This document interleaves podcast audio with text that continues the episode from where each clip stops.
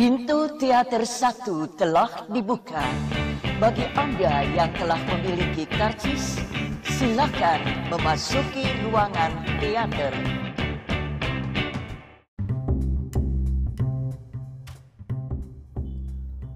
Oke, semuanya balik lagi sama gue Mustafa di podcast habis nonton film.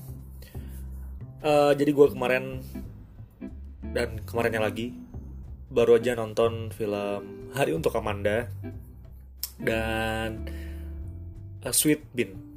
Eh, film yang udah rilisan lama ya, Hari untuk Amanda tahun 2010, Sweet Bean 2015 kalau nggak salah. Eh, gue mau pengen ngebahas Hari untuk Amanda dulu. Eh, pertama gue gue mungkin eh, sangat telat ya nonton film ini tapi menurut gue nggak apa-apa karena ternyata eh, filmnya bisa disejajarkan dengan film romance terbaik yang pernah ada di Indonesia.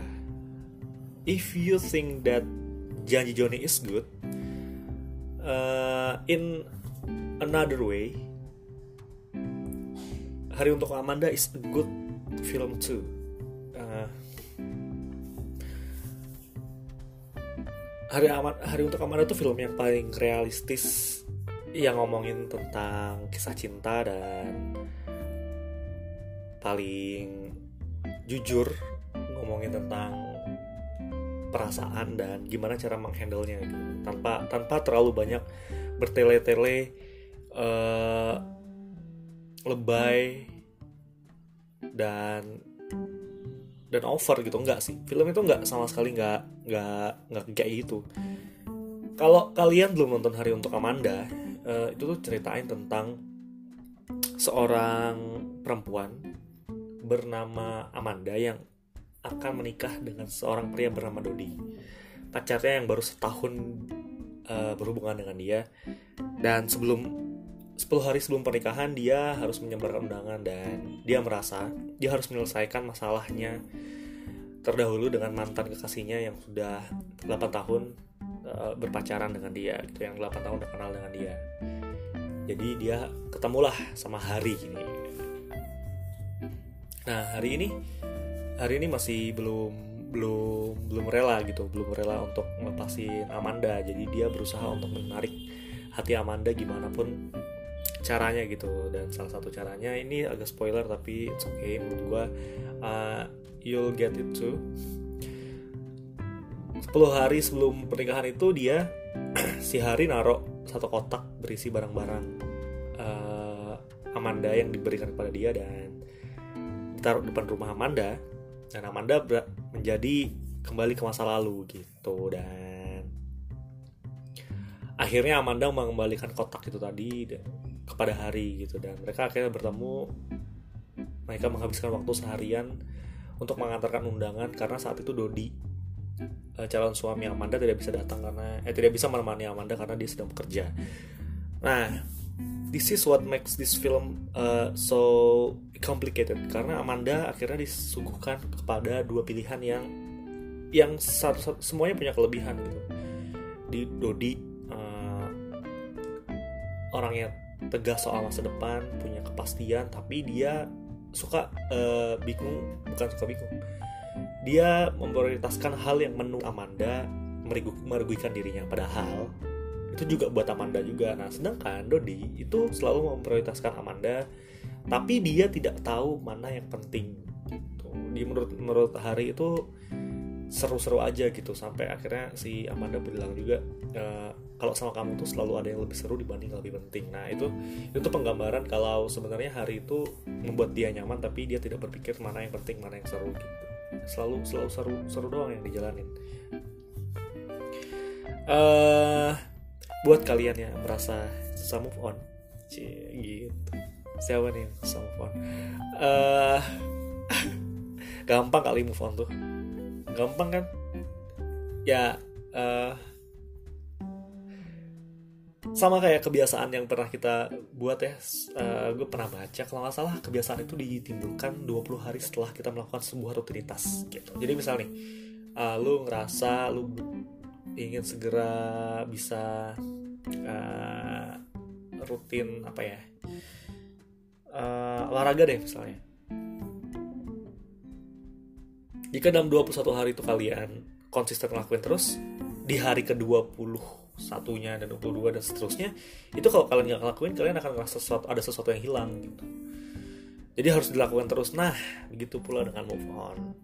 Kalau dalam waktu 20 hari itu kalian masih menghubungi masih mikir masih berusaha untuk mencari tahu gimana kabarnya kalian nggak akan bisa tuh. Jadi eh, dalam waktu 20 hari atau satu bulan itu ya nggak usah dicari lah nggak usah nggak usah cari tahu kabarnya. Nggak usah dipikirin nggak usah apa. Kalau udah lewat itu pasti udah biasa aja udah biasa aja. Once nanti ketemu atau kepikiran lagi ya udahlah nggak usah nggak usah dikulik-kulik udah biar aja. Jalanin aja hidup yang ada ini. Namanya juga move on ya. Maju terus. Tuh. Lanjut lagi. Nah Amanda nih. Amanda belum move on hari pun begitu apalagi hari ya karena posisinya hari yang diputus sama Amanda. Jadi Amanda uh, Amanda itu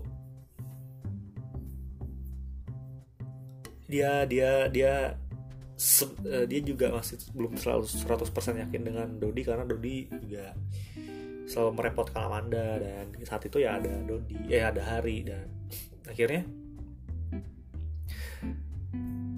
Amanda Amanda Amanda di posisi yang yang yang yang bingung untuk memilih mana yang harus harus ia tentukan gitu mana yang pasti ini mana. Dan kalau kalian sadar uh, film ini gue spoiler aja deh bodo amat. Amanda itu sebetulnya sayang sama Hari I can guarantee that Amanda still love Hari tapi Amanda tuh betul sesuatu yang meyakinkan dirinya kalau dia itu adalah pasangan dia gitu. Kalau si cowok ini pasangan dia. Dan kalau kalian notice ya uh, ada satu kalimat yang tidak dikeluarkan secara lantang dan tegas oleh Hari tapi di, diucapkan oleh Dodi yaitu ketika si Dodi bilang e, aku tuh cuma pengen nikah sama kamu. Udah itu aja. Nah kalimat sederhana itu mungkin Hari mengisyaratkan hal yang sama ya. Dia dia dia bilang dia sih bilangnya kayak gini aku nggak bisa bayangin kalau kamu nikah sama orang lain.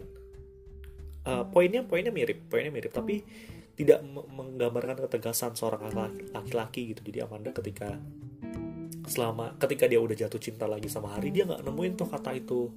Dia malah nemuin soal liburan soal hal-hal yang seru tapi tidak memikirkan uh, apa yang akan dijalani ke depannya. Karena karena Amanda tuh dalam dalam taruhan nih.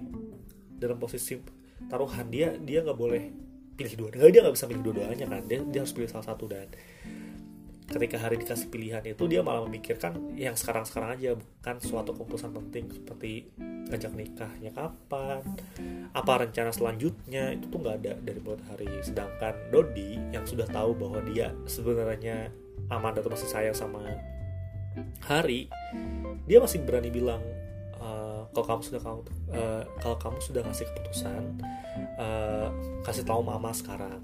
Kalau kamu tadi sama aku. Karena seharian tadi Amanda ceritanya hilang dan Dodi bohong ke orang tuanya kalau uh, entah orang tuanya atau ibunya Amanda I don't know. Kalau sebenarnya seharian Dodi itu menjaga Amanda gitu loh. Gitu loh. Dodi itu wise Dodi itu wise. Meskipun kadang-kadang dia overwork ya. Kerjaannya tuh terlalu banyak gitu sampai dia ngelupain hal-hal yang bikin Amanda tuh ngerasa dia tuh sendirian berjuang ketika ngejalanin pernikahan ini dan dan akhirnya keluarlah kalimat e, aku tuh pengennya nikah sama kamu. Dan itu nggak keluar dari hari itu. Tapi bagus sih gue gue gue setuju sama Amanda yang memilih Dodi. Kita tuh perlu isi kita tuh perlu. Uh, cewek tuh perlu untuk menentukan uh, kepastian gitu soal soal move on dan uh, menyelesaikan masa lalu itu, itu penting sih maksud gue uh, ketika kalian menjalani sesuatu dan belum selesai tapi mau jalan selanjutnya itu jangan jangan jangan jangan bawa permasalahan masa lalu kalian untuk pasangan yang sedang kalian eh, yang jangan bawa masalah-masalah kalian dan jadikan beban untuk pasangan yang sekarang bersama kalian gitu untuk masa depan gitu. Selesaikan dulu lah masa lalunya. Baru deh jalan bareng-bareng sama yang baru jalani kehidupan yang baru. Ya mungkin ada pembelaan soal uh, berbarengan tapi Amanda aja mau sebelum nikah dia harus nyelesain dulu. That's that's the right thing to do. Terus uh, I really like this film because it feels like watching before trilogy. Rasanya kayak nonton Before Sunrise tapi dengan dengan tutur bahasa uh, Indonesia. Dengan penyampaian dialog sehari-hari yang biasa kita tonton gitu ya. Ada satu kalimat yang ada dua kata dua kalimat yang yang menurut gue uh, gue suka. Pertama ketika si si Hari bilang aku udah berubah sederhana kata kalimatnya tapi menurut gue itu bullshit sih. Karena karena Dodi bilang eh Dodi bilang Hari bilang itu untuk sekedar meyakinkan Amanda kalau dia udah berbeda dari sosok yang lalu gitu sosok satu tahun yang lalu. Win as Amanda and as the audience know that hari itu masih sama aja. Masih masih main-main gitu itu kalau kalian nonton ya coba nonton. Perhatikan ketika dia bahkan mengulangi kalimat aku tuh udah berubah tuh dua kali. Dan menurut gue itu semakin menegaskan kalau itu cuma bullshit belaka gitu. Berubah tuh bentuknya tindakan bukan ucapan. Dan ya itu yang terjadi di film itu. Dan akhirnya useless. Kalimat itu useless. Sengaja dikeluarkan agar terlihat useless itu terlihat. Yang kedua kata kedua yang kalimat kedua yang gue suka tuh ketika dia bilang siapa? Dojing ya? Dodi anjing. Wah itu menurut gue keren sih. Jarang-jarang sih nonton film romance yang ada kata-kata kasar kayak gitu. Tapi kata-kata kasarnya not swearing ya nggak nggak ngatain orang kayak ah, anjing loh. Enggak itu tuh bentuk kekesalan dia terhadap Dodi yang gak, gak ada saat itu dan sebagai pesaing dia untuk mendapatkan hati Amanda dan bagus sih.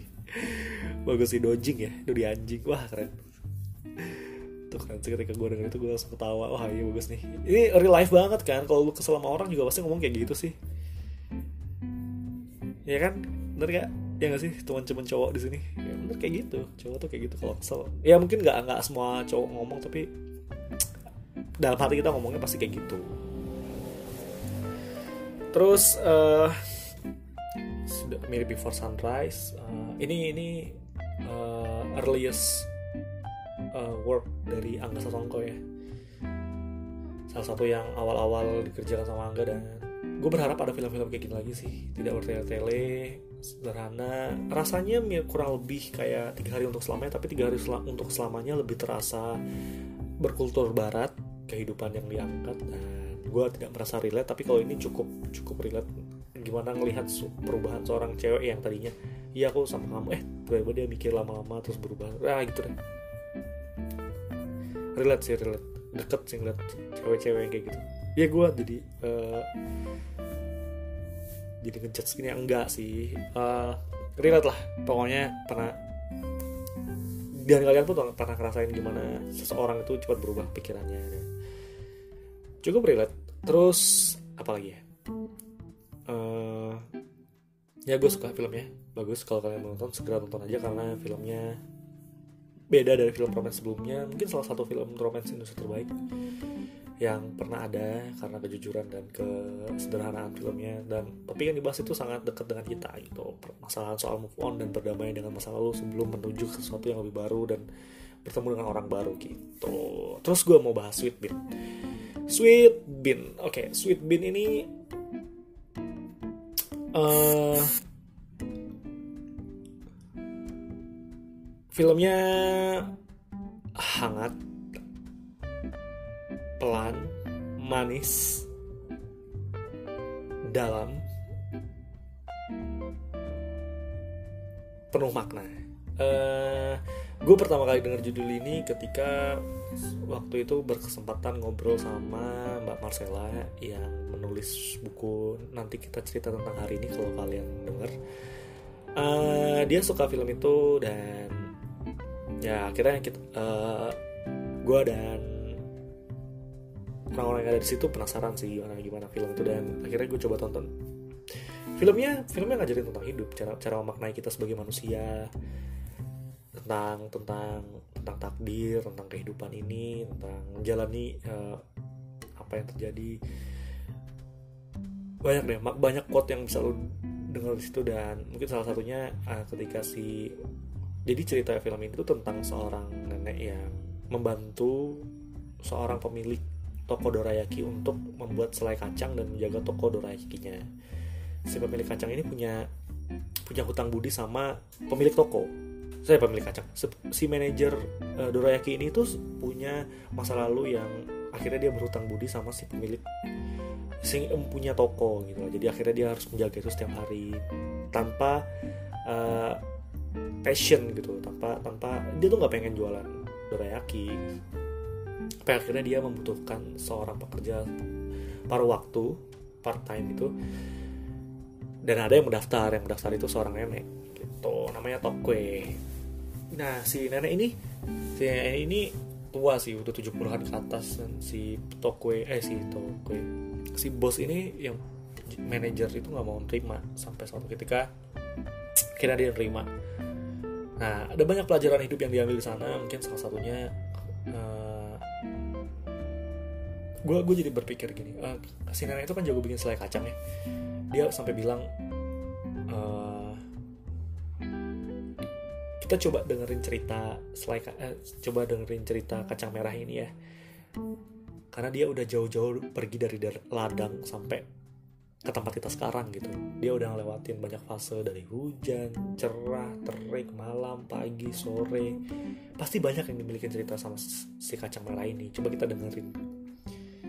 Terdengar absurd tapi itu keluar dari mulut seorang nenek yang sangat bijak dan kita jadi menghargai kalau oh ya emang sesuatu tuh butuh proses dan punya ceritanya masing-masing gitu. Bahkan angin itu punya ceritanya uh, si karakter utama si bos itu punya ceritanya si nenek punya ceritanya dan itu yang coba digambarkan dengan penggambaran-penggambaran sederhana soal kacang merah yang pergi dari ladang sampai ke tempat mereka membuat selai kacang itu. Uh, sampai ada satu adegan yang menarik banget menurut gue ketika si neneknya uh, si bosnya bilang ini ketika mereka berhasil membuat selai kacang paling enak gitu. Dan jadi bahan untuk membuat dorayaki si bosnya bilang akhirnya aku makan dorayaki sampai habis. Nah terus neneknya bingung. Maksudnya gimana? Terus kata bosnya ya selama ini aku nggak pernah makan dorayaki sampai habis. Dorayaki buatanku tuh aku nggak pernah sampai habis karena aku nggak suka karena aku tidak bisa untuk menghabiskannya gitu. Sampai si nenek bilang kok aneh sih? Kamu tuh punya toko dorayaki tapi kamu kenapa nggak suka makan makanan manis? Gitu itu tuh ngeliatin kalau aneh kalau lu menjalankan sesuatu tapi lu nggak suka gitu. Mungkin ada latar belakang kenapa lo ngelakuin itu ya dengan terpaksa tapi belajar untuk mencintai apa yang lo lakukan itu juga penting. Si nenek itulah yang berusaha mengajarkan kalau uh, mencintai apa yang lo kerjakan itu juga penting. Along the way dalam perjalanannya. Si si bos ini akhirnya sadar kalau kalau ternyata membuat dorayaki dan membuat orang senang itu juga pak bagian dari kesenangan dia gitu si neneknya ngajarin banyak hal tentang mereka punya punya masa lalu masing-masing terus neneknya tuh bilang e, kita tuh semua punya cerita ya tapi tugas kita cuma satu untuk menjalani itu menjalani hidup ini terus gitu. untuk terus menjalani hidup ini gitu. meskipun kita punya cerita yang berbeda-beda tapi kita harus terus menjalani hidup ini. Ada satu karakter namanya Wayani apa? Wayani? Lupa siapa nama depannya we si cewek ini punya seekor burung karena sebagai substitusi perasaan dia yang kesepian gitu. Selain selain dia suka main ke toko doi laki ini suatu hari di apartemen dia si burung ini diusir gitu. Jadi tetangga-tetangga tuh bilang kayak burungnya diusir dong ganggu apa segala macam. Oke sampai akhirnya si si cewek ini mau dititipin ke neneknya. Eh neneknya ngelepasin gitu. Dia minta maaf aku ma minta maaf ya aku ngelepasin burung ini karena uh, aku mendengar dia mengucap mengucapkan sesuatu padaku kalau dia ingin bebas. Akhirnya dilepasin sama neneknya dan ceweknya nggak kenapa kenapa jadi dia dapat pelajaran baru kalau sebenarnya kita tuh sebagai manusia punya kebebasan untuk memilih untuk melakukan apa yang kita bisa lakukan gitu. Ada satu hal penting yang gak gue ceritain di sini karena itu satu bagian cerita tapi nenek itu tuh nggak bisa ke mana-mana. Dia terkungkung dia dia dia punya kebatasan untuk bisa bebas dan akhirnya itulah yang coba dia ceritakan ke orang lain pada orang-orang yang bebas ini. Lu bebas lu bisa lakuin apa yang lu lakuin ketika lu sekolah dan lu gak suka ya cobalah sekali-sekali bolos. Lakukan apa yang membuat lu bahagia tapi jangan sampai gak, lu nggak nggak lulus gitu. Saya itu suka bercanda kayak gitu kayak lu punya hak untuk menjadi bahagia gitu dan pilih sesuatu yang yang lu lakukan dan lu cintai itu gitu. Termasuk menjual dorayaki tadi si si bosnya itu ada ada banyak pelajaran hidup yang bisa diambil di sini sih. Dan hangat filmnya hangat. Uh, membuat gue sedih beberapa bagian dan uh, gue tuh suka banget film Hirokazu Koreda ya. Dan ini mirip sih rasanya. Tidak se nggak separuh full filmnya Hirokazu Koreda tapi ini mirip-mirip. Entah ini karena sama-sama dari Jepang atau karena orang Jepang itu suka bercerita tentang hidup tapi melankolis gitu. Mirip. Ini film ini disudahin sama Naomi Kawase dan gue cok gue kayaknya akan nonton film dia yang lain. Penasaran bagaimana gimana cara dia merangkai hidup menjadi sebuah uh, pelajaran di sinema gitu.